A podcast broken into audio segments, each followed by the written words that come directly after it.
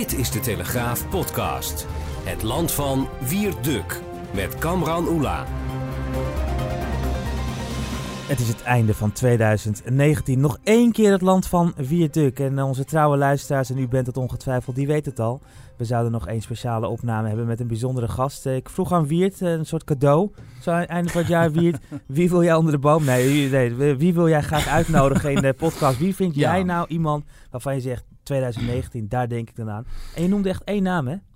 Uh, ja, Pieter Omtzigt, omdat uh, Pieter Omtzigt, uh, Kamerlid voor het CDA, die heeft dit jaar um, een aantal zaken uh, onthuld naar boven gebracht in samenwerking met anderen, met uh, andere politici en media, maar toch ook wel heel erg zelf. Die enorm uh, een impact hebben gehad op heel veel burgers. En ja. vooral de toeslagenaffaire bij de Belastingdienst. Dus um, ik wilde graag aan Pieter Omtzigt vragen hoe dit nou, nou allemaal heeft dan kunnen zou ik gebeuren. zeggen, open je ogen, want kijk nou wie er tegenover je zit. Daar zit hij, hey, daar Pieter zit Pieter Omtzigt. Omtzigt. van harte welkom. Uit eh, Enschede. Van harte welkom. Uh, fijn uh, dat je er bent in het uh, land van Wierduk, Pieter Omtzigt. We hebben afgesproken te tutoyeren.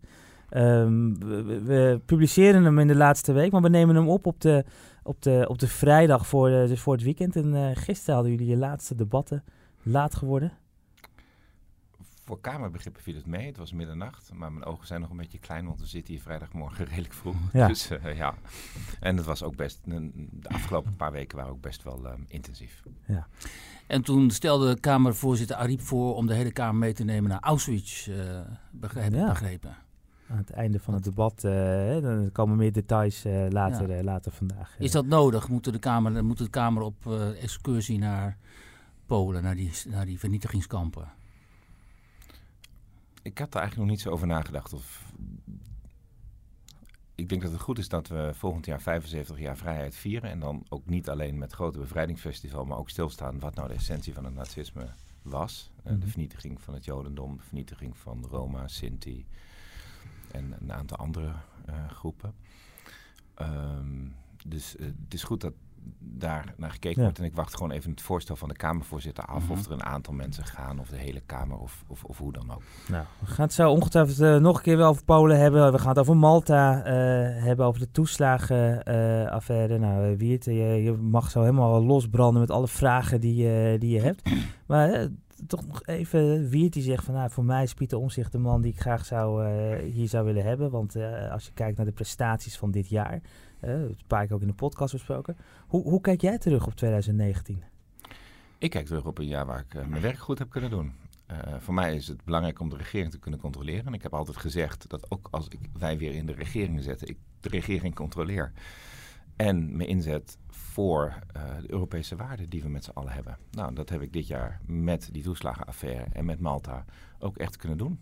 Um, um, en ik ben blij dat uh, vlak voor kerst de eerste ouders uh, gecompenseerd zijn uh, voor het leed dat aangedaan is. Want dat is iets wat in Nederland altijd nog wel moeilijk ligt. Um, iets boven tafel krijgen nog één ding, maar er dan nog voor zorgen dat het ook nog een stukje rechtgezet wordt. Ja. En, dat, en dat is voor een heel kleine groep pas hoor. Maar, ja. We gaan even specificeren hè, voor de luisteraars. De Telegraaf ja. heeft ook wel over geschreven en de gedupeerde aan het woord gelaten. Het gaat erom dat een groot aantal ouders, honderden, misschien meer, uh, te maken hebben gehad met een soort willekeur vanuit de Belastingdienst. Hun toeslagen voor de kinderopvang die waren opeens zomaar stopgezet. Hè, waardoor zij ernstig in de problemen raakten, want ze konden het geld niet ophoesten. de, Belastingdienst maakte hen eigenlijk verdacht, verdacht hen van fraude. Het, het, specifieke hieraan is ook wel een pijnlijke dat dit vooral om mensen met de allochtone achternaam ging. Hè. Um, dat had te maken natuurlijk met eerdere fraudegevallen in het verleden, waardoor de Belastingdienst uh, zich specifiek ging richten op dat soort cohorten, neem ik aan. Maar goed, dat mag je zo meteen uitleggen. Maar het gevolg daarvan is dat uh, enorm veel ouders uh, door een soort hel zijn gegaan.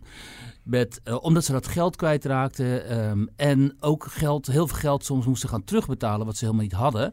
Waardoor ze ernstig financieel ook in de problemen raakten. Mensen die geestelijk in de problemen raakten. Zijn huwelijken aan kapot gegaan. Er is zelf, uh -huh. Iemand heeft zelfmoord gepleegd.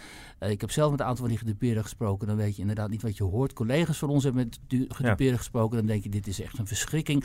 Hoe kan het zijn, en dat is dan de vraag aan Pieter Omzicht. Hoe kan het zijn dat een overheidsdienst zo ontspoort?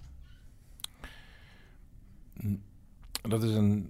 Je hebt een gedeelte van het antwoord uh, gegeven. Um, de, uh, de Belastingdienst wil de fraude aanpakken.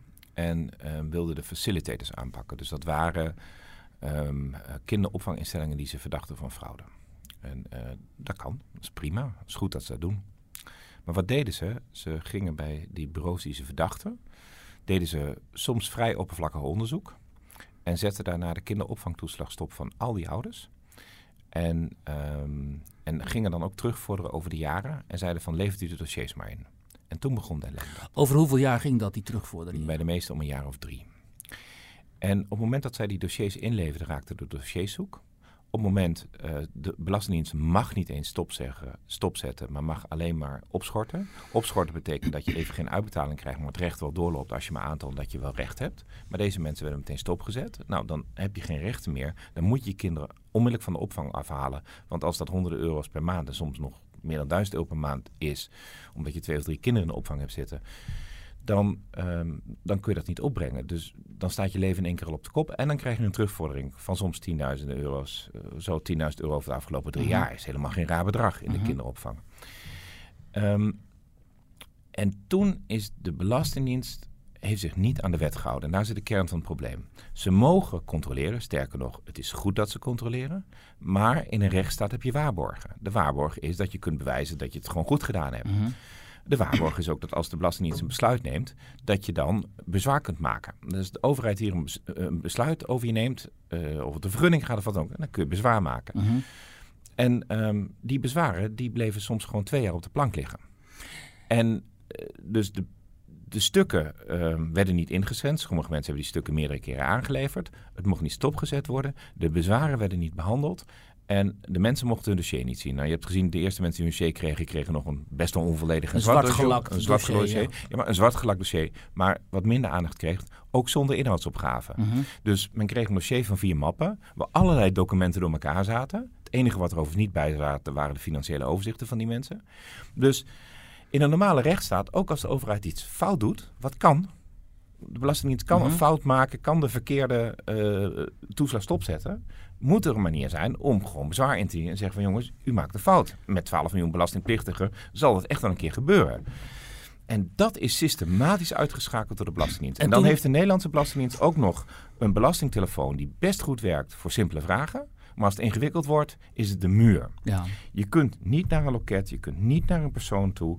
Uh, als, je een, als je een uh, een multinational bent, kun je een ruling aanvragen en word je met koffie ontvangen. Die burger die kon nergens naartoe met zijn verhaal en zeggen dit is er aan de hand. Ja. Sommige mensen hebben 150 keer die belastingtelefoon gewerkt en kwamen er niet doorheen. En kregen uiteindelijk van de eh, verantwoordelijke staatssecretaris het advies om toch maar weer eens een keer die belastingtelefoon te gaan bellen. Um, maar de, de, uit, al, uit al die verhalen, hè, die overigens voor een groot deel ook is dit dossier naar boven gekomen dankzij die advocaten, hè, die uh, Eva ja. González Perez, moeten we wel even noemen, die aan de bel heeft getrokken en heeft gezegd, joh, hier gebeurt iets en dat, dat moet echt in de openbaarheid komen.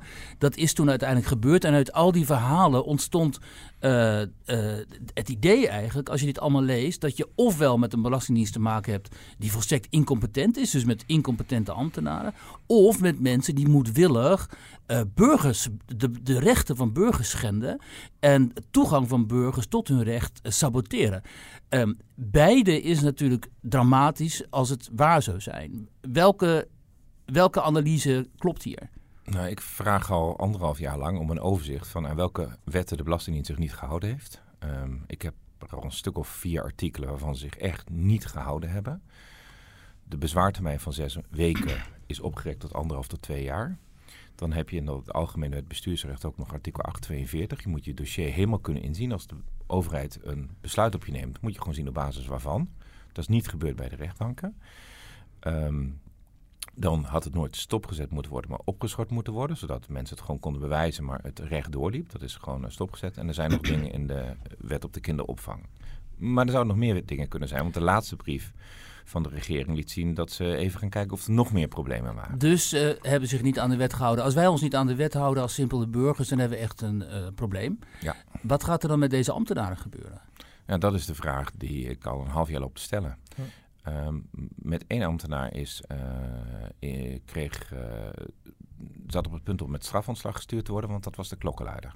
En dat was ook toen ik echt kwaad in de Kamer Dat was dus ben. degene die zei van jongens, mijn collega's houden zich niet aan de wet. En die wordt dan met st- eh, strafontslag bedreigd. Ja, die, die zat al thuis en die zou, totdat ik die motie indiende, zou die gewoon met strafontslag naar huis gestuurd zijn. Als dit elders gebeurt, ehm, hebben we het over een bananenrepubliek. Hè?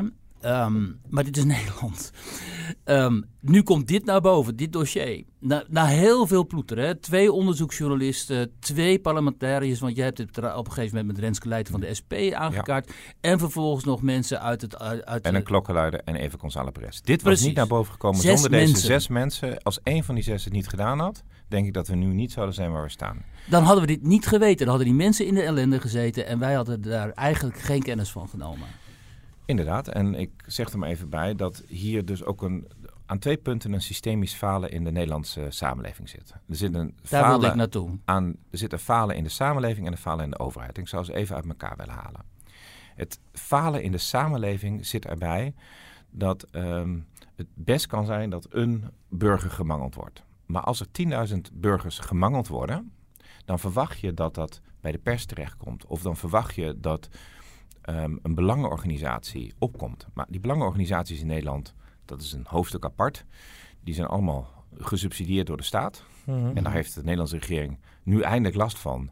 Want de Ja, Belangenvereniging Ouders in de Kinderopvang wordt door de staat betaald en door de opvanginstellingen, maar niet door de ouders. En het gevolg is dat ze eigenlijk nooit echt voor de ouders opkomen. Nee. Die zijn, hebben nooit gezegd van en nu is het afgelopen. Want die willen hun subsidie veiligstellen. Juist. even voor de Tuurlijk. Nou duidelijkheid. ja, dat zie je vaker. De PO-raad en de VO-raad die maken een akkoord met de regering. En de leerkrachten van dit land zeggen van, hoezo akkoord? Ja. Dus ik bedoel, we hebben allerlei staatsgefinancierde organisaties die weer afdoen als maatschappelijk middenveld en dat niet zijn. Want Die ook zijn steeds, sorry Pieter, maar die ook steeds minder legitimiteit hebben in de ogen van heel veel burgers. Nou, in, in de ogen van hun eigen achterban. Kijk, dat zijn die of- burgers. Ja, dat bedoel ik. Maar ik bedoel, de PO-raad hoeft niet de legitimiteit te hebben bij de... ehm, eh, die moet legitimiteit hebben bij de eh, Docenten, leerkrachten, ja. bij de Tuurlijk. juffen en de meesters in het basisonderwijs. Ja. Als ze geen legitimiteit hebben bij, eh, bij de boeren, is het allemaal tot daaraan toe. Weet je, ik bedoel, Nee, maar bij de boeren zie je hetzelfde met die belangenbehartiging. eh, de LTO heeft ook een probleem Juist. soms, ja. Maar de LTO schakel ik daar nog niet helemaal onder, omdat LTO ehm, nog voor zichzelf zorgt. De rest, zoals die PO-raad, die hangt helemaal onder de overheid. Dus de media doen het niet. Ook de Haagse media niet. Die zijn alleen maar bezig met eh, wie speelt welk spel in Den Haag. De ehm, politici doen het niet, want het is veel leuker om alleen maar te reageren op de media. Dit heeft twee jaar lang Kamervragen gekost. Ik heb meer dan tien keer Kamervragen gesteld en het waren niet van die korte Kamervragen. Het waren soms 30, 40 gedetailleerde vragen waar geen antwoord op kwam. Ik kreeg de stukken niet. Dus ik zei twee dingen tegen de regering. Ik wil de evaluatieverslagen van die onderzoeken, want ik denk dat er iets mis is gegaan. Dus laat u maar zien wat er gebeurd is. En ik wil dat u een onderzoek instelt. En in plaats dat er een onderzoek ingesteld werd, werd de klokkenluider ontslagen. Hoe kan dat? Nou, dat betekent dat er in de Belastingdienst iets goed scheef zit. Jij stelt als controleur van de overheid die vragen. Daar moeten antwoorden op komen, toch? En dan komen ze niet en wordt vervolgens de bron voor jouw vragen, die wordt geïntimideerd. Wat is dat voor sfeer, joh? En wat is dat voor overheid dan? Nou, dat zit ook goed mis. En dat zit niet alleen mis bij de Belastingdienst. Er zijn problemen bij het UWV, het CBR.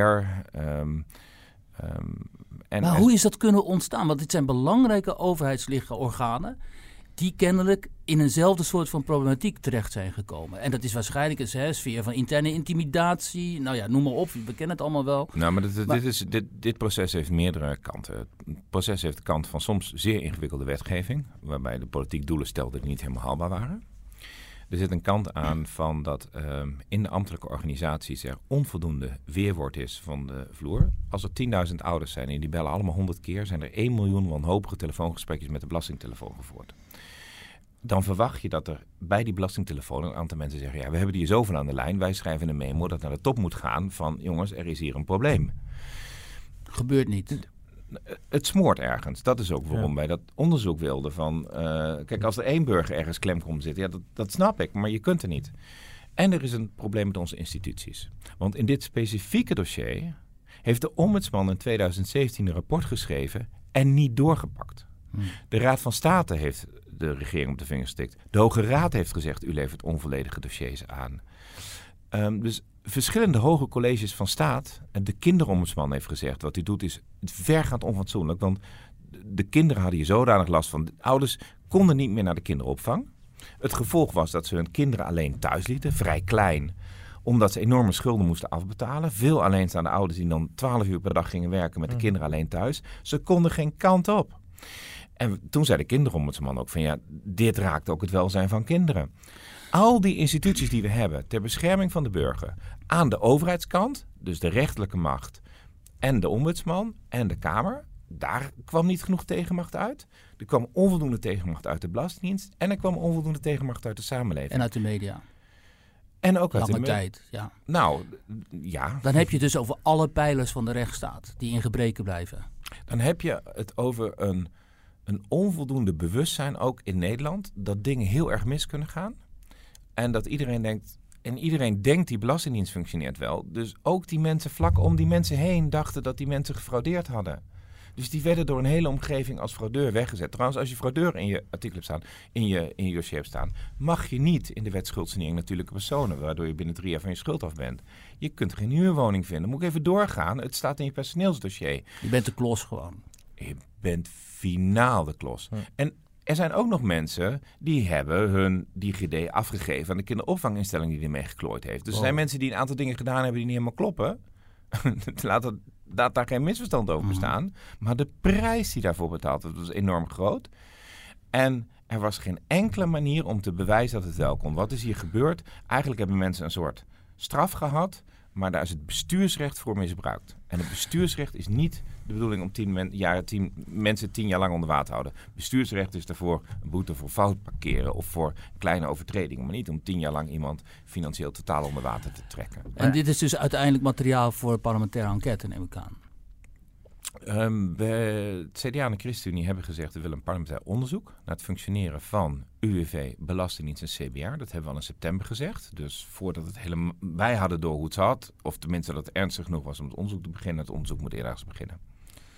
Maar het is, hè, jij zegt ook, er is een probleem in de samenleving. En, en, het gaat ook over de rol van de media. En daarin herken ik ook wel, eh, wij krijgen natuurlijk ook heel veel van dit soort mails binnen. Elke dag heel schijnende gevallen. eh, ook nog trouwens jeugdzorg, ook nog een, eh, Ja. waar, Ja, waarvan alles mis is, in is. En we moeten iedere keer de, beoordelen of het, of het iets is waar we, waar we, iets, mee, waar we iets mee kunnen. En je denkt iedere keer, ja, heel schijnend, maar het is een individueel geval. Dus op een gegeven moment hè, moet je ook zien van... eh, Het is niet één geval. Het gaat om tientallen gevallen, honderden gevallen, misschien wel duizenden gevallen. Eh, Nou, wat ook een punt is natuurlijk, de redacties zijn enorm uitgedund en dit soort onderzoek vergt enorm veel tijd Ja. en, en de vrijheid om het onderzoek te doen. En dat is er niet altijd. Dat zie je ook bij die andere affaire waar we nu op kunnen komen, die ook eigenlijk dankzij Pieter Omtzigt voor een groot deel is blootgelegd over die steun aan die rebellengroepen in Syrië. ja. Dat, dat ging rond op, alle, op verschillende redacties. Alleen op een gegeven moment zijn ze bij Nieuwsuur en Trouw... hebben ze de vrij, tijd voor vrijgemaakt. Zijn ze gaan zitten. echt op Eh, te pakken. en ook dankzij de connecties van een van die jongens... Hè, die jongen van Trouw die dan, Ja. eh, meen ik, ook Arabisch spreekt en zo. Wat dan? Ja, precies. En toen hebben ze- zijn ze met fantastisch onderzoek gekomen. Ehm, eh, omdat zij de tijd hebben genomen, ruim de tijd, om dit eh, goed en degelijk aan te pakken. En dat is, en dat, dat eh, ziet Pieter Omtzigt ook goed, dat is het probleem in deze tijd, dat redacties weinig geld hebben, omdat, nou ja, zeker bij kranten natuurlijk, inkomsten lopen terug en zo. En dat je vaak snel moet scoren. Dus Ja. in Den Haag heerst wel degelijk ook, ik heb- ben ook parlementair verslaggever geweest in Den Haag, heerst natuurlijk die scoringsdrift ook. En er is er minder tijd om dit soort onderzoeken te doen. Wat natuurlijk uiteindelijk wel eh, veel noodzakelijker Maar ik, is. bedo- maar ik doelde eigenlijk ook op het hè, het niet vertegenwoordigd zijn. Want je denkt allemaal individuele gevallen. En er is niemand die zegt van nee, dit is niet één geval. Het gaat om honderden of misschien wel duizenden gevallen. Dat waar je het net over had. Dus je- Maar Nou ik ja, ben, kijk, ik ben het woord voor de. Belastingdienst. Ja. Ik, ik heb Ja. best een beeld dat als ik over een aantal... Ik, ik lees mijn mails en Mhm. dat doe ik soms tot diep in de nacht. Ja. Om die te beantwoorden. Omdat ze ook heel veel inzicht geven in waar mensen mee, mee worstelen. En geloof mij, voordat de meeste mensen een brief aan een Kamerlid schrijven... hebben ze wel wat kastjes en muren gezien hoor. ja. Nou, kijk, die indruk het ontstaat een beetje, sorry dat ik onderbreek, maar dat wil ik toch zeggen. De indruk ontstaat dat er, eh, eh, de angst ontstaat dat dus niet alleen dit soort misstanden bestaan binnen die Belastingdienst, maar op een, bij een groot aantal van dit soort instellingen. Eh, dus dan heeft, dan heeft eh, onze samenleving echt een probleem. En vervolgens wordt de indruk gewekt dat eh, als iemand als Pieter Om zich dan zich daar zo in, in vastbijt, dat misschien niet alle andere Kamerleden bereid zijn om ook tot twee uur s'nachts hun mails te lezen. en achter die mensen aan te gaan en die Mhm. mensen dus te bellen en zo. Dus hoe functioneert dan die Tweede Kamer? Als telkens de naam van Opduikt bij al die dossiers die naar boven water komen, dan, dan denken mensen natuurlijk op een gegeven moment, ja, de, is hij de enige dan die, die, zich, die dit soort onderzoeks, eh, on- onderzoeken eh, verricht als Kamerlid, wat toch een primaire functie is van een volksvertegenwoordiger?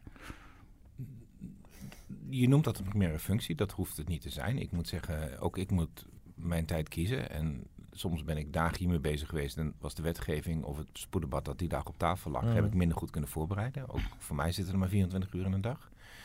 Ik heb dit ook, eh, in dit eh, onderzoek heb ik veel samengetrokken met Renske Leijten in Mhm. het onderzoek ehm, naar de NLA-steun met Martijn van Helvert en eh Sjoerd Sjoerdsma van, van D66. Dus ik doe dat wel degelijk samen met andere Kamerleden. En dat is ook politiek best wel prettig om dat niet in je eentje te hoeven doen.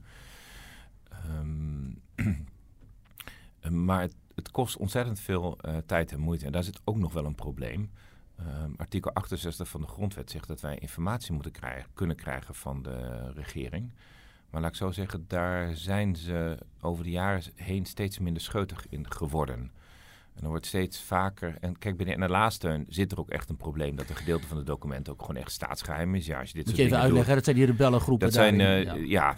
goed. Dat was natuurlijk voor ons wat makkelijker, omdat D66 en CDA vanaf het begin zeiden: dit moet je niet doen, want wij denken dat je de verkeerde mensen steunt en we kunnen het niet controleren. En achteraf blijkt dat we het ook niet kunnen controleren en blijken dat ste- groepen te zijn die nu samen met de Turken meewerken aan de eh, Turkse inval in, in, in Noord-Syrië. Ja. En daar worden onze spullen voor gebruikt. En waar gewoon onthoofdingsvideo's van bestaan en zo. Hè? En die hebben wij dan financieel en met wapens eh, gesteund, die eh, groeperingen. Wij hebben groeperingen gesteund die gewoon woonwijken bombarderen. Ja. Ja. En kijk, de- degene die denken trouwens dat een oorlog, dat, dat je daar ehm, groepen kunt steunen die zich nergens schuldig gaan maken, is natuurlijk vrij naïef. Maar de vraag is dus wel of je dit eh, zo moet doen. En Ja. eh, daar zeiden wij van het begin af aan al nee tegen. En toen we vragen van wie is er dan gesteund? Nou, een lijst van de groepen hebben we nog nooit gekregen, want dat is allemaal staatsgeheim. Dus kunnen wij nog steeds niet checken wat daar gebeurd is. Ook dat is best wel problematisch vanuit het oogpunt van democratische controle. Ja. Ehm, je zegt, hè, je hebt dan samengewerkt met ehm eh Rens Kleiter, die bij de oppositie zit in de, op het dossier bij de Belastingdienst. Die heeft natuurlijk makkelijker om scherp te formuleren, want zij is oppositie, dus zij kan zich tegen de coalitie verzetten. Eh, jij maakt onderdeel uit van een fractie die eh, in de regering zit. Je krijgt het verwijt dan hè, uiteindelijk van mensen uit de politiek en ook uit de media. Van ja, Pieter Omtzigt die, die, die duikt van alles op en er komt er allerlei compromitterend ma- materiaal boven over een staatssecretaris of een minister. En als dan puntje bij paaltje komt, dan eh, steunt hij niet de moties waardoor zo'n minister of staatssecretaris zou moeten vertrekken. Dus Pieter Omtzigt is eigenlijk een, eh, hoe, noem je dat ook alweer? Een, eh, Controlled opposition of... con- ja, ja, oh, dat is helemaal mooi van de complottheoretici ben je Oh controle- jongen, echt. Mijn Twitter-tijdlijn is één groot feest. Bij anderen ben je tandeloze, weet ik veel, wolf of zo, zoiets. Maar goed, ehm, dat lijkt me ook niet eenvoudig om op die kritiek te moeten antwoorden. Want zit daar niet wat in dan ook? Had je niet dus die coalitie gewoon dan ten val moeten brengen?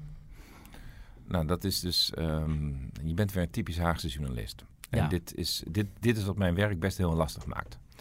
Want in die anderhalf tot twee jaar werk, tijd dat je aan het graven bent... is er werkelijk waar niemand geïnteresseerd in het geheel. Op een gegeven moment zijn Pieter Klein en Jan Klein Nijhuis... hebben daar wel heel veel in gedaan. Van RTL en Trouw. van RTL en Trouw. Goede onderzoeksjournalisten. Maar als puntje bij paaltje komt, schrijft de rest er niks over. En ik zeg, jongens, meerdere van jouw collega's in Den Haag gesproken. Er is hier een groot probleem. Er zijn die mensen erg in de knel gekomen. Ga het zelf onderzoeken. Ik heb zelfs ehm, krantredacties gehad die gingen alleen bij het ministerie bellen en schreven dan een stuk. Dat eh, het probleem eh, bij de Kamer lag en bij de ouders, maar niet bij de Belastingdienst. En die belden de ouders niet op. Ik heb daar één krant hier ehm, die daar zich bijzonder schuldig aan gemaakt heeft. En niemand ging dat onderzoek aan. En wanneer krijg ik vragen? Die vragen luisteraars zich af, waarom vraagt wie Duk niet wat die, welke die krant is, maar dat doen we niet. Nee. En wanneer komen die vragen? Die vragen die komen. ehm, eh, en wanneer komen de journalisten bij mij? Als er een motie van wantrouwen ligt. Die motie van wantrouwen van de PVV. Dat is, de PVV heeft nul Kamervragen gesteld in het dossier. Zelfs toen de hele Kamer zei: elke fractie levert een aantal vragen in. Afgelopen week had de PVV als enige grote fractie, uh, die eenmansfracties laten even zitten, Mm. van de enige grote fractie die nul vragen stelde. Hmm. En als die parlementaire werk Even, alleen... voor de, even voor de duidelijkheid, dat is dus de PVV die zich altijd oproept als een vertegenwoordiger van een gewone man die in de knel is en die zich dan verzet hè, tegen de overheid. Eh, En, en laat ik zo zeggen, ik zie eh, Fleur Agema Juist. daar ook gewoon voor opkomen in de zorg. Eh, ik hoef niet altijd met haar eens te zijn, maar er zijn echt Kamerleden bij de PVV die dat doen. Ja. Dit dossier Maar niet. in dit dossier niet. Nul, nada, niente. Mhm. En als je dan het enige wat je, als je het dan als enige taak van je als Kamerlid ziet om moties van wantrouwen in te dienen, Mhm. dan heb ik een andere taakopvatting. Ik ben ook het Kamerlid geweest, dat toen ik nog in de oppositie zat, maanden onderzoek heeft gedaan. Nou, wat gebeurt daar bij de Belastingdienst met de reorganisatie? En uiteindelijk, midden in het Kamerdebat, zei ik tegen Wiebes... ja, volgens mij heb je een paar honderd miljoen extra uitgegeven... dus kom erop met je stuk, want je bent over de begroting heen gegaan. Toen moest hij toegeven, ah, er zijn een paar duizend verkeerde ambtenaren vertrokken. Oftewel, be- eh, Mhm. de ambtenaren die niet weg moesten, zijn vertrokken. Dat, dat heeft dus Belastingdienst ook... vertrekregelingen, die werden weer eh, deels En- terug ingehuurd. Nou, dat laatste eh, volgens hun niet. Maar goed, ehm, wat er gebeurde is dat de Belastingdienst eh, ehm, wilde veranderen, wilde meer data gedreven worden. ehm, nou, en wie gingen er weg? De inspecteurs, de mensen met de hoogste opleiding die vlak voor het pensioen stonden. Die je niet wilde missen en niet zomaar weg konden. Dat betekent dat al die belastingteams van tien mensen twee van hun beste krachten kwijtraakten. Daar raak je gedemoraliseerd van als je met Mhm. acht man het werk van tien moet doen en, en, en, en je nog je goede krachten kwijt bent. Hè? Dus dit raakt ook echt de kracht van de Belastingdienst. Ook toen ben ik er wel doorheen gegaan, heb ik geen motie van wantrouwen ingediend. Ik zie het niet als een doel op zich om die motie in te dienen. Maar het maakt mijn werk als Kamerlid in de coalitie onmogelijk. Als het enige wat mij gevraagd wordt door de politieke redacties is... dient u vandaag een motie van wantrouwen in? Dat betekent dat ze nooit kijken van wat is de materie van de zaak... En dat ze eigenlijk nooit kijken bij wetgeving welke keuzes worden er gemaakt. Dan kan je zo voorbeelden geven in een toeslagendossier. Ehm, en dan, dan wordt het voor een lid van de coalitiefractie moeilijk om gewoon te zeggen: van, Nou, is er wat misgegaan? Kunnen we dat rechtzetten? Dat is mijn Mhm. kerntaak. En dan kan altijd die, die, die, die, die vertrouwensvraag aan de orde zijn. Maar dat is niet de eerste die aan de orde is. Om een voorbeeld te geven: er is een wet geweest naar aanleiding van de Bulgare fraude. Die ehm, De Bulgare fraude is die fraude waarop basis van van Wekers, eh, waarop eh Bulgaren hier voorschotten konden krijgen... die ze dan vanuit Bulgarije weer moesten terugbetalen... wat natuurlijk nooit gebeurde. En, ehm, nou, Daar da- was gewoon echt heel veel geld mee gemoeid ook. Eh, ja, nou, het ging om een aantal miljoenen Daarom. dat, dat keer. Dat vinden wij normale Dat- burgers dat, best veel geld. dat is veel geld, maar met de schandalen in Den Haag hebben we ook wel schandalen van honderden miljoenen. Dus ik geef even de, de, de, de verhouding aan. Maar er ging op een heel domme manier geld verloren. Want als je iemand uitbetaalt terwijl die in Bulgarije woont eh, en niet meer hier is, dan zijn we niet zo handig bezig. Laat het zo zeggen. Daar kan wel op gecontroleerd worden. Is later ook gedaan. Toen is er een wet gekomen en die wet gaf de Belastingdienst heel veel meer mogelijkheden. Bij die wetsbehandeling zat natuurlijk geen enkele journalist op de tribune. Toen, zijn er, en toen zei ik van jongens, maar deze wet die slaat door. Bijvoorbeeld, in de wet staat nu dat de Belastingdienst er 26 weken over mag doen om te besluiten of jij kinderopvangtoeslag krijgt. Dat kan niet. Ik zei, ik vind dat je na negen weken naar de rechter moet kunnen stappen om een besluit af te dwingen. Want de ouders kunnen niet zo lang Joh, zonder als jij werkloos bent en je krijgt een baan en je zegt mijn kind moet naar de kinderopvang, dan kun je toch moeilijk tegen een nieuwe werkgever zeggen, nou, het kan 26 weken duren. Ja. Trouwens, is het ook al moeilijk op dit moment een plek te vinden, maar als je een plek hebt, dan ook nog even 26 weken wachten. Hè? Mhm. Dat kan niet. Maar Dus, dus ik heb toen geprobeerd die wet redelijk te maken. Negen weken. Eh, bijvoorbeeld als, als jouw partner ooit een keer ergens een veroordeling had... kon je zelf nooit meer een toeslag vooraf krijgen. Nou, leuk is dat. ja, Eh, dat stond ook in die wet. ja, dat wilde ik er ook uit hebben. Ik vind dat je dan wel misschien als iemand... Misschien moeten er dan wel extra controles op zo'n echtpaar zitten. Maar dat je nooit meer toeslagen vooraf kan krijgen. Nou, dan maak je levens van mensen die hun leven op de rails aan het krijgen... best wel onmogelijk van. Ja. Eh, Maar jij ziet dan, hè, even concreet, jij ziet dan geen vertegenwoordigers van de media bij zo'n wetsbehandeling. Uiteindelijk komt er zo'n wet en die loopt eh, eventueel dus uit het spoor. En dan wordt de vraag gesteld, naar de, naar, de, dan wordt die vertrouwensvraag gesteld. En dan, dan duiken en andere fracties en media er opeens wel op. Terwijl in het hele voorafgaande proces, waar jij dan bij betrokken bent als wetgever, zie je eigenlijk niemand. Dat is eigenlijk je verwijt. Dat is mijn verwijt en dat doen we als Kamer ook. Want wat wij als Tweede Kamer doen, in tegenstelling tot andere parlementen, is dat wij verrekt te weinig tijd zijn met echte wetgeving. Ja. En altijd bezig zijn met spoeddebatten. Khadija Ariep die merkte nog even op dat er nog meer dan 200 debatten op de rol staan. En ehm, we hebben ook de commissie Rijksuitgaven afgeschaft. Dus die andere kerntaak van het parlement, achteraf eens even controleren of het geld een beetje goed uitgegeven is, dat doen we eigenlijk in Den Haag ook niet aan.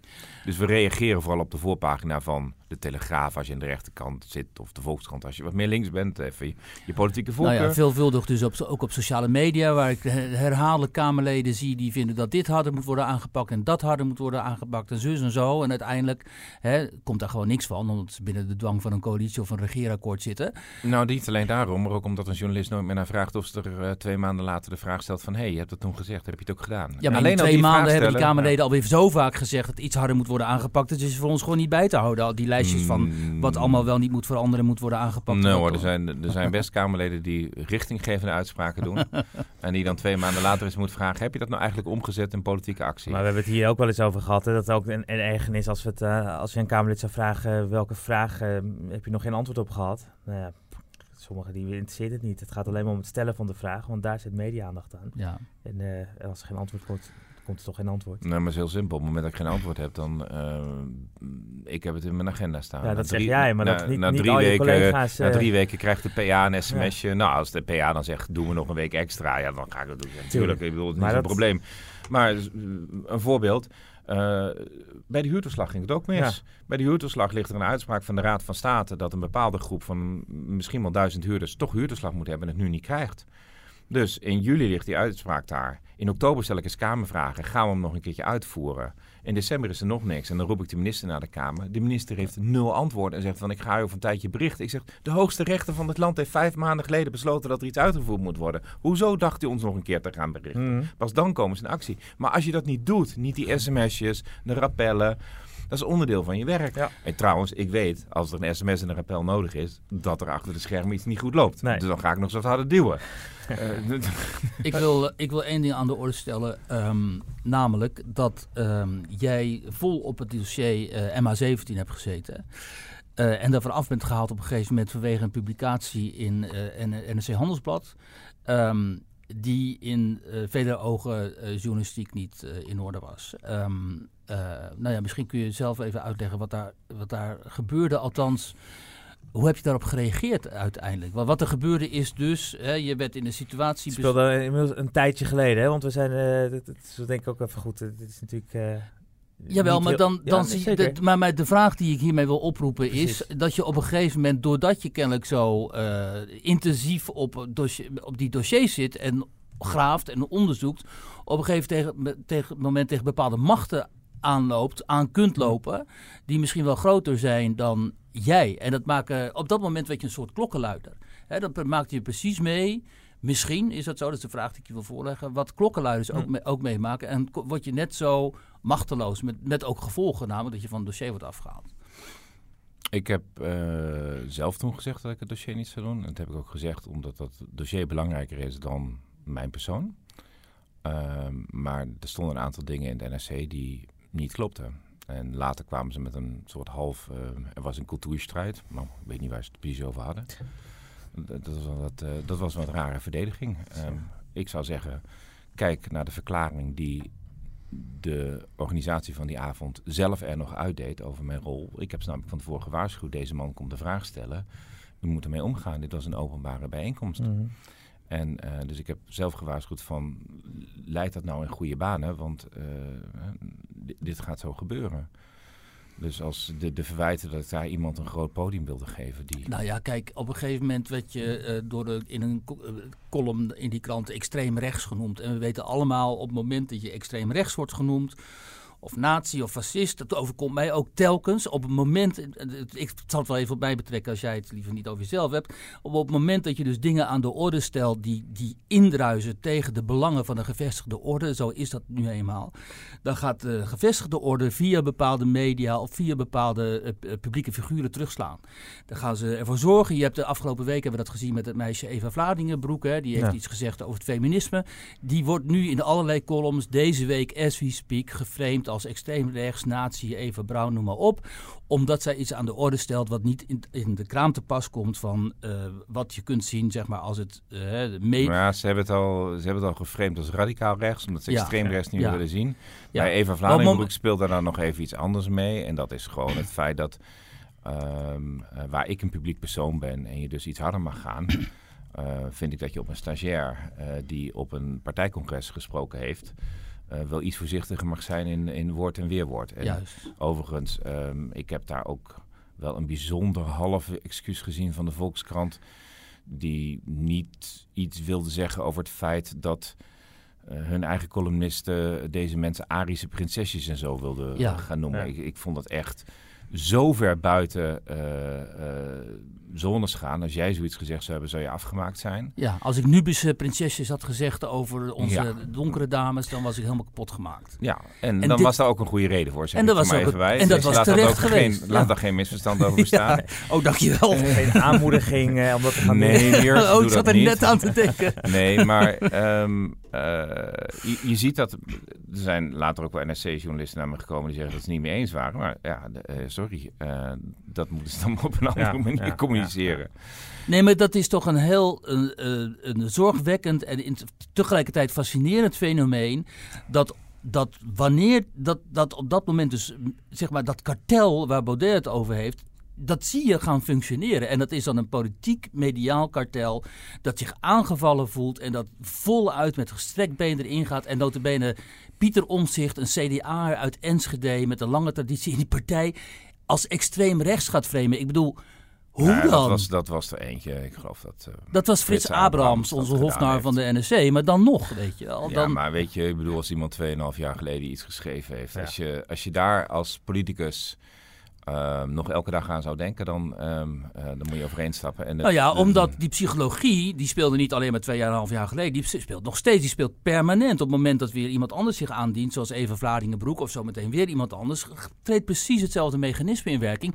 En dat hindert, eh, vind ik, eh, je werk als journalist. Hè, omdat je niet, hè, dan, omdat je wordt verdacht gemaakt telkens. Het hindert je werk als Kamerlid, lijkt mij, omdat je tegen dat soort mechanismes oploopt. Dus, maar goed, ik wil dat even aan de orde stellen, zodat mensen weten dat dit ook gespeeld heeft. En dat dat ook het eh, werk van sommige mensen niet, eh, niet eh, makkelijker maakt. Maar we kunnen nu overgaan naar Malta. Ja, want nou, dat, dat, dat kan. Ik wil nog één, één, één vraag nog stellen. Om, om ter, ter afsluiting dan nog over de, de, de, aanleiding van de hele toeslagenaffaire. Ehm, wat zeg je tegen die luisteraars die nu denken van ja, ik heb totaal geen vertrouwen meer in de overheid. En als ik nu zit te luisteren en ik hoor eigenlijk eh, hoe het weer een bende is en, en, en, en wat er allemaal gebeurt. Ja, dan daalt dat vertrouwen nog verder. Ja, nou, eh, vertrouwen krijg je alleen terug door openheid te betrachten over je fouten en, en, en je leven te beteren. Ja. Vertrouwen krijg je in die end niet terug als je ehm, er iedere keer een deken overheen gooit. En dat is wat we in Den Haag veel te vaak doen. Ja. Dus, en, eh, dus het de is- bal ligt nu echt in Den Haag. Ja, en eh, dat is waarom ik die pijnlijke vraag ook iedere keer stel in elk dossier waar het, eh, waar het schuurt. Een overheid is heel machtig. Eh, de Nederlandse overheid eh, geeft, eh, geeft honderden miljarden uit per jaar, Ja. zoals je weet. En belast dat ook netjes weg bij de burgers.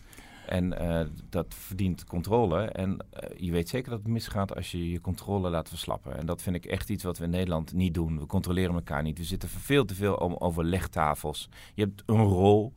Je hebt een rol als rekenkamer, een rol als ombudsman of een rol als rechter om ze nu en dan te zeggen: dit kan niet. We zitten veel te veel bij elkaar op schoot. En we, Ja. en we hebben zoiets van, ja, we vertrouwen die ander wel, want die is eigenlijk net zo als ik en zo. En uiteindelijk dan blijkt dat dus gewoon helemaal niet zo te zijn. En als je dan als burger op een gegeven moment echt met die overheid in conflict komt, dan blijkt ook hoe keihard die overheid kan zijn. En die kan gewoon levens vernietigen. Dat vind ik wel heel zorgwekkend. Maar het zou goed zijn als mensen dat inderdaad naar aanleiding van zo'n affaire met de Belastingdienst eh, beseffen dat dit zo is. En de Belastingdienst of de overheid moet nu natuurlijk gewoon echt een, een, een daad stellen. Dat lijkt mij duidelijk. Want het vertrouwen wat, waar Cameron het over heeft, dat is echt met eh, te paard vertrokken. Hè? En dat zie je op, in allerlei gebieden in de samenleving. Ik bedoel, mensen, mensen zeg maar, die, die separeren nu bijvoorbeeld die burger- en die bouwprotesten hè, als een soort afzonderlijk protest. Maar dat is natuurlijk allemaal onderdeel van dit, dit specifieke probleem. Dat is dat de burgers die band met de overheid, eh, dat dat geen vertrouwensband meer is. Maar dat er een low trust society aan, zich aan het ontwikkelen is. En daar speelt de- in mijn ogen de overheid een, eh, een forse rol ook in, dat iets gebeurd is. Ja, maar wat ik zeg in een. eh, ik doe ook onderzoek naar eh, democratie en rechtsstaat in andere landen. Hebben we het zo over Malta misschien nog en Polen. Ehm, wij hebben dus in Nederland ook weinig eh, weerstand in die samenleving zitten. Dus weinig weerstand in instituties en weinig weerstand in die samenleving. En dat baat mij zorgen. En normaal gesproken een, een sterke overheid, en die heb je gewoon nodig. Um, hè, hè, hebben we eigenlijk een burgemeester van Den Haag die vruchtenvuren durft te verbieden. Hoezo zou dat moeilijk moeten zijn om te bedenken dat je geen vuurtje van 40 meter hoog stookt eh, op, op, een paar meter van huizen? Ja, nou, en als er een paar mensen kwaad om zijn, zijn ze er kwaad om. Maar als burgemeester heb je een verantwoordelijkheid. En die neemt de nieuwe burgemeester van Den Haag. Ja. Dat ik Johan Remkes nog eens een keer zou moeten prijzen, had ik een paar jaar geleden niet gedacht. Nee.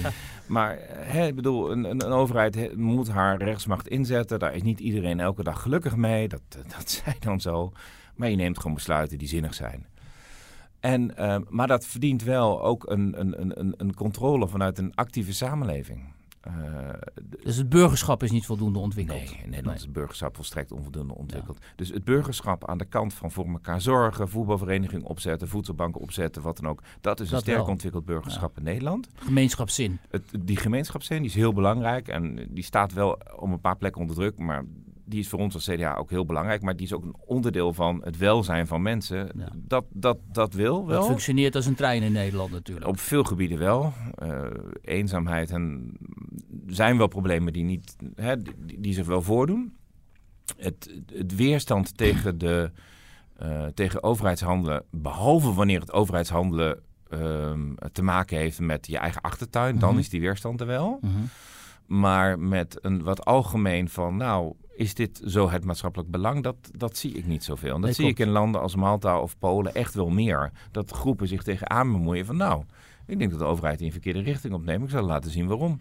Ja, je zou bijna pleiten voor iets als uh, politische beeld doen. Dat hebben ze in Duitsland. Hè? Dus politiek bewustzijn aanwakkeren bij jongeren. Helaas is dat dan in Duitsland onmiddellijk weer heel erg links. Maar je zou dus uh, hè, op de on, in het onder... Ja, Even vanuit, schrijf je helemaal de vanuit je links, ja, Vanuit je links-rechts frame. Nee, maar mensen, mensen mogen andere ideeën hebben dan jij, Weert. Ik bedoel, nee, dat, dat, is, dat is... Ja, maar dat, nou, dat snap je. Dat zeg je nu wel.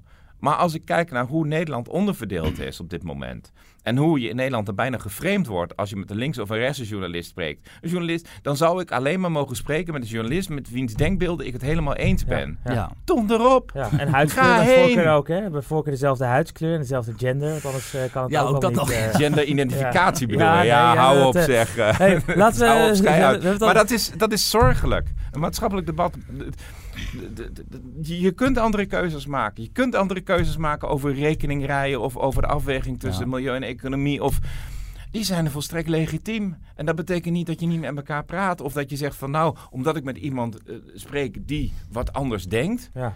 Um, ben ik in één keer besmet of zo? Zeg, hallo. Nou ja, maar dat is dus extreem uh, aan de orde op dit moment. Overigens, de mensen die denken er gaan bommen af bij de Telegraaf, dat is niet zo. Maar dat is de hand van Pieter Omzicht die op de tafel slaat. En dan klinkt dat met enige echo uh, door. We hebben het al een paar keer over uh, Malta gehad. Want de, de, nou, er was van alles afgelopen jaar aan de hand. Een, een moord, politieke moord wellicht. En opeens duikt dan ook weer de naam van Pieter Omzicht op. Uh, hoe is dat nou weer gegaan? Omzicht gaat Goes International, ja. hoe is dat gegaan? Um, uh, de zonen van... Uh, er zijn drie zonen, Daphne Caruana Galicia. Die is in oktober 2017 met een bomaanslag vermoord op, ja. op haar eigen auto. En een paar maanden later, later stonden de zonen bij mij op de stoep in de Raad van Europa met de vraag of ik hun kon helpen. Want jij zit in die Raad van Europa hè, als daar Nederlands parlementariër. al jaren in. Daar heb ik een, in de commissie gezeten die meestal de moeilijke onderzoeken daar doet. Dus ik zat daar al toen naar de onderzoeken gedaan werden naar de geheime CIA-vluchten waarmee die uh, terreurgevangenen vervoerd mhm. werden en mhm. in geheime gevangenissen uh, gezeten hadden in Europa. Uh, ik heb daarna het onderzoek naar Snowden gedaan en klokkenluiders. Ik heb ook een eh, dankzij mij ligt er nu ook een richtlijn hoe je klokkenluiders kunt behandelen. Die mm mondt nu zelfs uit in een Europees wetsvoorstel, die discussie. Dus dat gaat langzaam, maar stukje bij beetje. En toen kwamen ze mij. En toen ben ik met een collega uh, gezegd van, nou, daar moeten wij onderzoek naar doen. En dat hebben we echt zo snel mogelijk gedaan. En daar zijn we binnen een... een en toen ben ik aangesteld als de rapporteur. Mm Kreeg ik wat extra bevoegdheden. Zoals dat ik uh, mensen in het geheim mocht horen. En uh, ben naar Malta gegaan en heb daar met iedereen gesproken. En je stuitte op wat voor beerput? Ja, nogal zeg. Je stuitte op een staat die eigenlijk uh, nog steeds de staatsinrichting had van een kolonie. Uh, dat betekent dus dat de minister-president uh, in de stijl van de oude gouverneur de politiecommissaris mag benoemen en ontslaan, alle mm. rechters mag benoemen, um, alle ministers kan benoemen. Oh, weinig top, trias politica daar. Alle topambtenaren kan benoemen. Um, het parlement relatief klein is, natuurlijk maar één kamer heeft, maar wat wil je als je 400.000 inwoners hebt? Wel in de EU geloof ik toch? Ja, daar komen we zo op. Waarom het, daarom is het relevant voor ons. Ja. Maar um, in het parlement, uh, alle mensen aan de regeringszijde, uh, parlementsleden verdienen daar niet zoveel. En uh, dus of ze waren minister en daar kwam hun belangrijke inkomen vandaan, of ze kregen een baan vanuit de overheid uh, als toezichthouder of zo. Ja. Dus iedereen die hing van zijn inkomen af of de regering overeind bleef. Nou, dan weet je precies wat er met het controlerende werk in een parlement gebeurt. Want dat deden die journalisten dus dan maar, die ging controleren. Nou ja, uh, ja, zij, zij schreef dagelijks over de grote corruptie die daar plaatsvond. En alle mensen kwamen ook bij haar ja. met, met de schandalen. En toen is zij omgebracht. En um, zij, nou ja, meerdere, meerdere ministers hadden tegen haar rechtszaken aangespannen vanwege smaad. Hadden zelfs beslag laten leggen op haar bankrekening. Um, haar, er was brand gesticht bij haar, haar honden waren uh, de keel doorgesneden. Ze was een keer achtervolgd. Ja. Er was een haatcampagne aan de gang van mensen die in het kantoor van de minister-president werkten.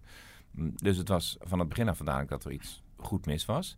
En de reden waarom je dan ingrijpt, is als je ziet dat de belangrijkste tegenstander van de zittende macht vermoord wordt, weet je dat de zittende macht nooit echt heel veel zin heeft om um, daar uh, de ondersteen boven te mhm. krijgen.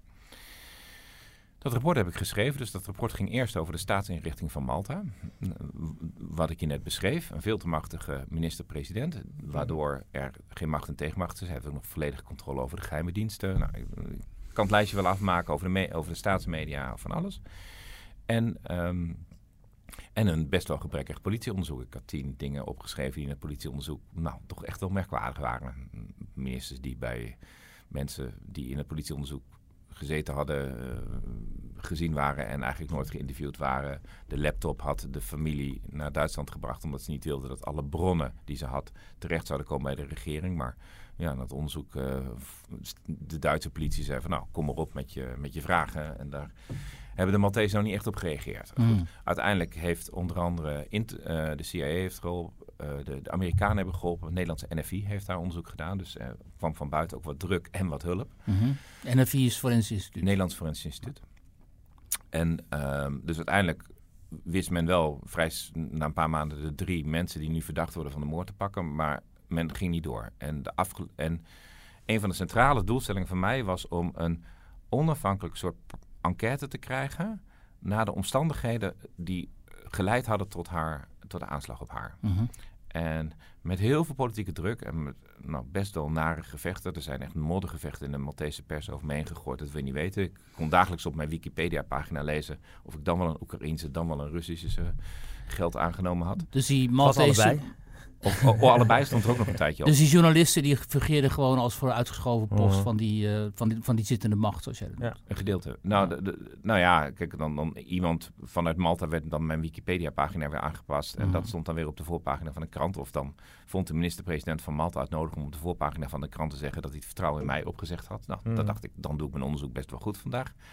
Je weet, dat is voor mij een aanmoediging. Als een minister zegt dat ik iets niet goed doe of geen kamervragen moet stellen, dan weet hij dat hij erachterop twee setjes kamervragen heeft. Nou, dat doen we in Malta dus ook. En ehm, die druk hebben we ook opgevoerd. Dat is een coalitie bouwen, kijken, met de eurocommissaris gaan spreken. Um, uh, want kijk, je denkt, waarom zit je in Malta? Nou, ten eerste kwamen die zonen bij ons, maar Malta zit in de Europese Unie. Precies. Malta verkoopt paspoorten en die paspoorten worden niet gecontroleerd. En misschien heb je bij Nieuwsuur van CBC maar gezien. En als je het niet gezien hebt, moet je de YouTube-video echt kijken. Mhm. Wat voor een effect dat heeft. Uh, er worden rijke mensen uit het Midden-Oosten en Rusland toegelaten zonder security screening. Die krijgen daarmee een Europese Unie-paspoort. Kunnen rechtstreeks in Nederland of Finland gaan wonen. En de AIVD heeft dat al een, eh, gevaar voor Nederland genoemd. Kost een miljoen, hè? Ja, iets minder dan een miljoen. Maar ja, dat is voor die lui niet echt het grootste probleem. Uh, maar voor de Maltese uh, staatsinkomsten is het een Lekker. bonanza, want ze ja, mogen nog meteen doorreizen. Ze krijgen een miljard verdieners ermee of zo? Ja, zoiets. En uh, nou ja, voor een stadstaat met, met minder dan een half miljoen inwoners is dat een grote inkomstenbron. um, Malta uh, geeft uh, visa aan uh, Libische strijders. Ja, jongens, ik weet niet of dat handig is, mm. maar zij zitten ook binnen Schengen, dus kunnen ook lekker rondreizen als je zin hebt. En ze laten banken toe die volledig corrupt zijn. En die zitten dan binnen de eurozone en die mogen hier een bijkantoor. Waarom zitten wij opgeschreven met dit soort failed states in de Europese Unie? Omdat we onvoldoende opletten. Waarom letten we onvoldoende op? Omdat het een ideologisch project is en we willen zo graag dit, al, zoveel mogelijk landen erbij misschien? Nou, omdat, heb jij tot nu toe ooit over Malta geschreven voordat ik erover begonnen was? Nee, maar dat is ook niet mijn portefeuille natuurlijk. Maar, nee, oh ja, maar die, die, die, maar die, ik heb dat wel... antwoord kom ik in Den Haag nooit nou, meer nee, journalist. Nou, nee, maar luister eens even. Probeer dat nu, nog eens nu een ga ik even mijn, uh, Nu ga ik even positie innemen. Want ik heb dus wel vanaf het begin, toen dat, die, dat associatieverdrag met de Oekraïne speelde er nadrukkelijk op gewezen wat voor risico's wij hier liepen in onze relatie met Rusland. Omdat de Russen Oekraïne als hun achtertuin beschouwen. En als de Europese Unie daar zich gaat mengen. Hè, dat we dan met een enorm probleem uh, te maken krijgen. En wat gebeurde uiteindelijk? Er ontstond oorlog en die hele relatie met Rusland is uh, dankzij deze technocratische ambtenaren, onder andere van de Europese Unie, die zich hebben laten leiden door, ik zeg het nog maar eens een keer, Karl Bildt en die Radek Sikorski. Um, hebben een project opgetuigd dat totaal niet uh, geopolitiek vatbaar was en uiteindelijk een lont in de kruidvat bleek. Dus op dossiers waar ik wel enige kennis van heb, heb ik er wel over geschreven over de gevaren die dit soort uh, ongecontroleerde uitbreiding eigenlijk met zich meebrengt. Um, en in het geval van Malta, ja, Malta was natuurlijk heel klein, dus schreef niemand erover. Maar, is ja, dat is precies het probleem met Malta. Ja. Ja. Um, de Europese Unie heeft wel aandacht voor Polen en Hongarije. Ik, zie, ik heb het onderzoek in Polen gedaan. Ik kan het zo over hebben, maar uh, mijn rapport in Malta is harder dan mijn rapport over Polen. En dat is precies tegenovergesteld van wat men heel lang in Brussel gedacht heeft. En heeft uiteindelijk ook gevolgen gehad, dat rapport over Malta. Ehm, nou, er zijn natuurlijk ook Maltese. Ik bedoel, ik ben niet de enige die daar kritisch was. Maar uiteindelijk is dat onderzoek van start gegaan met openbare en gesloten hoorzittingen. Daar is heel veel naar boven gekomen. En er zijn een paar doorbraken in het politieonderzoek, mede door de druk vanuit het buitenland, maar ook door druk vanuit het binnenland. En dat betekent nu dat uh, de, de tussenpersoon gevonden is en de uiteindelijk opdrachtgever. Dat was de tycoon die uh, daar een, met Azerbeidzjaans geld en met hulp van Siemens en met hulp van Siemens een nieuw um, elektriciteitscentrale gebouwd had. Ja. Die had Panama-rekening opgezet die Daphne Caruana Galicia ontdekt had. Um, voor onder andere um, uh, een van de ministers en de stafchef van de minister-president. En die stafchef van de minister-president, die wordt nu constant genoemd in dat moordonderzoek als een van de breinen daarachter. En die heeft informatie aan de opdrachtgever constant lopen lekken. Want vanuit, de, uh, vanuit het kantoor van de minister-president komt hij natuurlijk alle informatie, ook over lopende politieonderzoeken, want geen scheiding der machten, ja. um, verkrijgen. En nu staat het hele land op zijn kop. Constant demonstraties. De premier treedt onder druk af. Het is zo mhm. erg dat die premier um, uh, al twee jaar niet met de buitenlandse media spreekt, omdat hij uh, de John Sweeney van de BBC toen nog, nu is hij onafhankelijk, totaal afgemaakt mm. is um, in een interview. Uh, sinds een maand tweet hij al niet meer. hij kan geen kant op uh, met zijn uitlatingen, maar blijft uh, minister-president. En iedereen zegt, zelfs het Europees Parlement zegt nu, u moet aftreden. Dat is constitutioneel nogal wat wanneer ja. het Europees Parlement mm, zegt dat de minister-president van een van de landen moet aftreden. Maar er is hier best een reden voor te bedenken. En, um, het is natuurlijk een bizarre situatie. Hè? We hebben het gewoon, hè, dat is eigenlijk ook wat, het punt wat jij Wiert maakte. We hebben het gewoon over een land binnen de Europese Unie. Ja, en dat is, is ook waarom ik me ermee tegenaan me mooi. Omdat dat, dat verkoop van paspoort heeft rechtstreeks gevolgen voor de integriteit van de Nederlandse staat. Exact. Ja. En het bankenstelsel, dat hij daar die Pilatusbanken met een corrupte Iranier die nu in, uh, in Amerika voor, een, voor een heel lange gevangenisstraf veroordeeld is. Um, pas onder Amerikaanse druk ging dat ding dicht. Maar oké, okay, dat is ook de enige keer dat de Europese bankenautoriteit ingegrepen Alweer heeft. Dus dat argumenten voor nee, een exit. Uh, nee, nee, maar de, nee, nee, de Europese bankenautoriteit heeft ingegrepen uiteindelijk. Ja. Dus ik bedoel... Nadat het probleem ontstond. We gaan, ja, ja, meestal grijp je in nadat een probleem ontstaat. Dat snap ik wel. Maar het probleem is, zou niet zijn ontstaan als dit soort, uh, dit soort landen niet binnen die Europese Unie waren getrokken. Laten we het uh, laten we over een ander land hebben. Want je noemde het uh, net al een paar keer.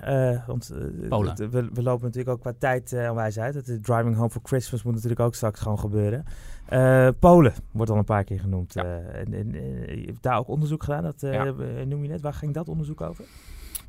Um, dat is een formeel monitoringonderzoek. Uh, dat is net verschenen en dat uh, wordt uh, eind januari, vindt daar een debat over plaats in de Raad van Europa. Samen met een Zweedse sociaaldemocraat heb ik dat geschreven.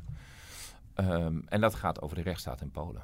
Want er is heel veel kritiek hè, op de- dat de rechtsstaat in landen als Polen en Hongarije niet, zo functione- niet meer naar behoren te functioneren. En dat die machthebbers eigenlijk proberen om daar die trias politica te schenden. Daar komt het op neer. dat doen ze. Ja. Ja. En ehm, Hoe doen ze dat? hoe doen ze dat? Ehm, nou, feitelijk heeft de minister van Justitie in Polen ehm, is ook de procureur-generaal.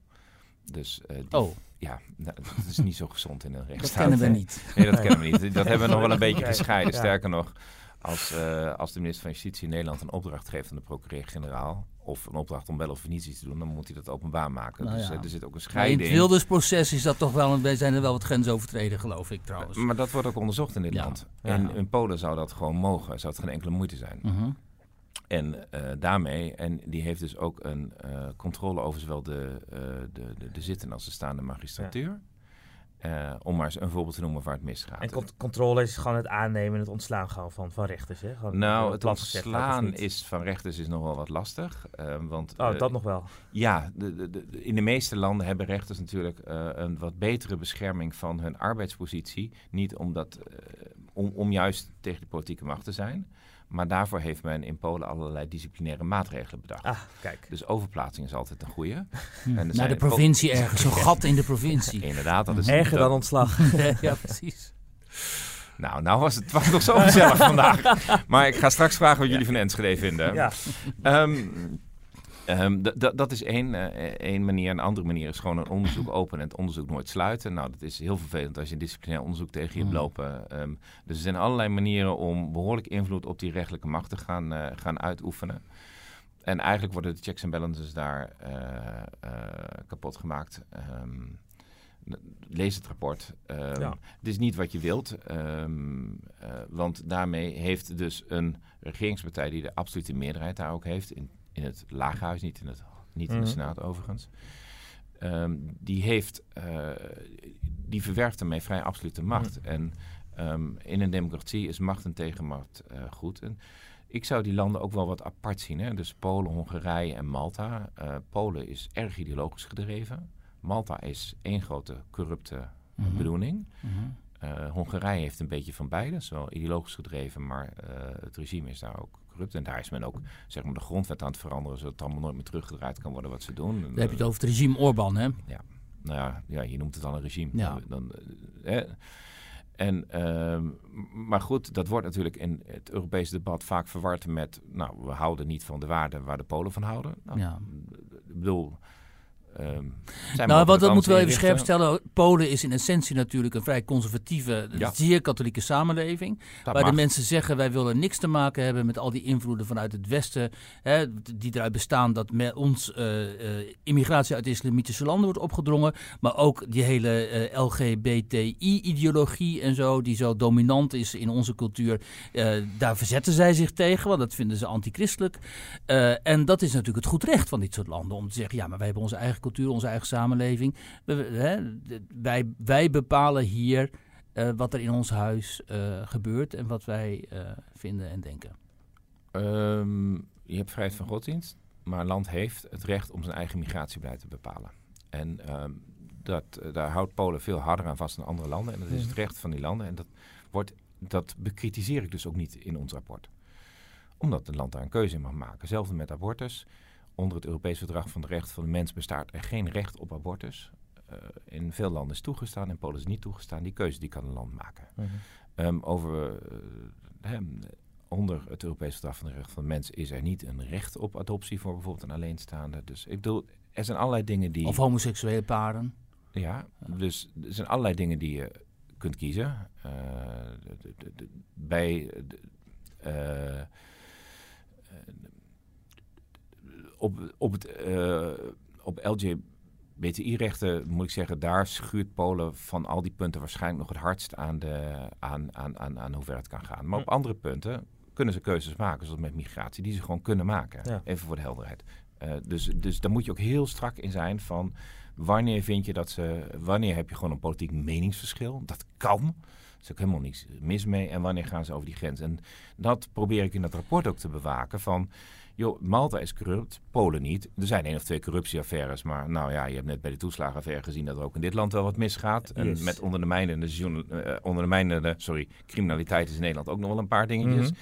Dus eh, weet je, uh, rustig aan daar. Dat is in Hongarije en Malta echt anders. Ehm, maar de manier waarop zij met de rechters omgaan, is niet goed. En ik moet zeggen, dan denkt iedereen van, nou ja, de, de, de de EVP, waar ik dan in zit, zeg maar de Europese CDA, dat zit in de oppositie zowel in Malta als Polen. Ik moet zeggen dat die oppositiepartijen ook niet unaniem actie lijken te ondernemen om het helemaal op te zetten zoals, omdat het ook best leuk is om, mhm. als je weer aan de macht komt, die controle dan zelf maar een keer weer te hebben. Dus, nou ja, en, en die discussie moeten we met elkaar wel voeren. Um, Overigens vind ik het heel goed wat uh, ChristenUnie en uh, eh, SP recent deden met Polen. Want wij hebben vaak natuurlijk wel het idee van opgeven vingertje. Ik heb deze week het initiatief genomen met een paar collega's... om eens een keer een gezamenlijke vergadering met de Poolse parlement te hebben... Commissie Sociale Zaken en Europese Zaken... om eens te spreken over de problemen en de uitdagingen bij arbeidsmigratie. Hm. Wij hebben wat kritiek op de Polen over de export van WW waar dan geen controle op mhm. plaatsvindt. En ik mhm. denk dat wij legitiem kunnen zeggen van jongens, dit zijn onze, onze sociale uitkeringen. Daar willen we wat mee. Maar zij hebben ook best wel legitieme kritiek over hoe het hier gaat met uitbuiting en huisvesting. Tuurlijk. Ja. En uh, ik zou liever dat gesprek is wat opener aangaan met een land als Polen op dingen waar wij samen een oplossing moeten voor moeten vinden. echt het gesprek, letterlijk het gesprek aangaan. Ja, tuurlijk. Ja, nou ja, wat, wat, wat, nu zitten we toch in onze schuttersputjes. Houd toch op. Nou ja, als je uiteindelijk met z'n allen in zo'n club zit, dan moet je natuurlijk ook met elkaar gaan uh, spreken. Ik wilde vragen, meteen als een van de laatste vragen dan. Um, als zelfs in dit soort landen jouw eigen partijgenoten, eigenlijk wat je net zegt, hè, zich niet zo druk maken om dit soort problemen, kennelijk. En jij dan wel. Waar komt die gedrevenheid vandaan? Ik bedoel, je hebt uh, een vrouw, kinderen in Enschede, uh, je reist heen en weer, je moet nog naar die Raad van Europa. Je zit op twee uur s'nachts of nog later, kunnen de journalisten af en toe nog apps van je krijgen en zo. Of e-mails. Um, waar stopt dat? En um, waarom vind jij dat je kennelijk uh, de wereld moet redden? Nou, als de wereld alleen door mij gered moet worden, zou het heel slecht gesteld zijn. Dat je een van die mensen moet zijn die de wereld wil redden. Ja, precies. Die, uh, die, heeft ambitie. ja, je staat dan wat dat betreft in de schaduw van Frans Timmermans. ja, toch wel, ook uh, figuurlijk en letterlijk neem ik aan. ja. um, nou, uh, hoe langer ik in die politiek zit, hoe meer die rechtsstaat mij, hoe meer ik daar, hoe belangrijk die begint te vinden als hoeksteen van je politiek handelen omdat dat eigenlijk best wel verwaarloosd is. Uh, dat zie je dus in Nederland in het klein met de Belastingdienst. Dat is in, uh, op Europese schaal klein, maar voor de, de, impact natuurlijk enorm. Maar in Europa hebben we besloten een aantal dingen met elkaar te delen. Via de ECB, eh, via het Schengen-verdrag. Dat zijn twee vergaande integratievoorstellen geweest. En um, dat betekent ook dat je met elkaar een verantwoordelijkheid hebt. En ja, die wordt nu over de heg gemikt als... als als Malta zegt, en trouwens Albanië begint nu ja. met het verkopen van paspoorten. Ja, oh. ja ik zal je even helpen. Uh, en, en die zeggen van ja, je kan een Maltese paspoort kopen en je mag de dag erop meteen doorreizen naar een ander land. Ja, dan is dat Nederland en dan hebben we een probleem.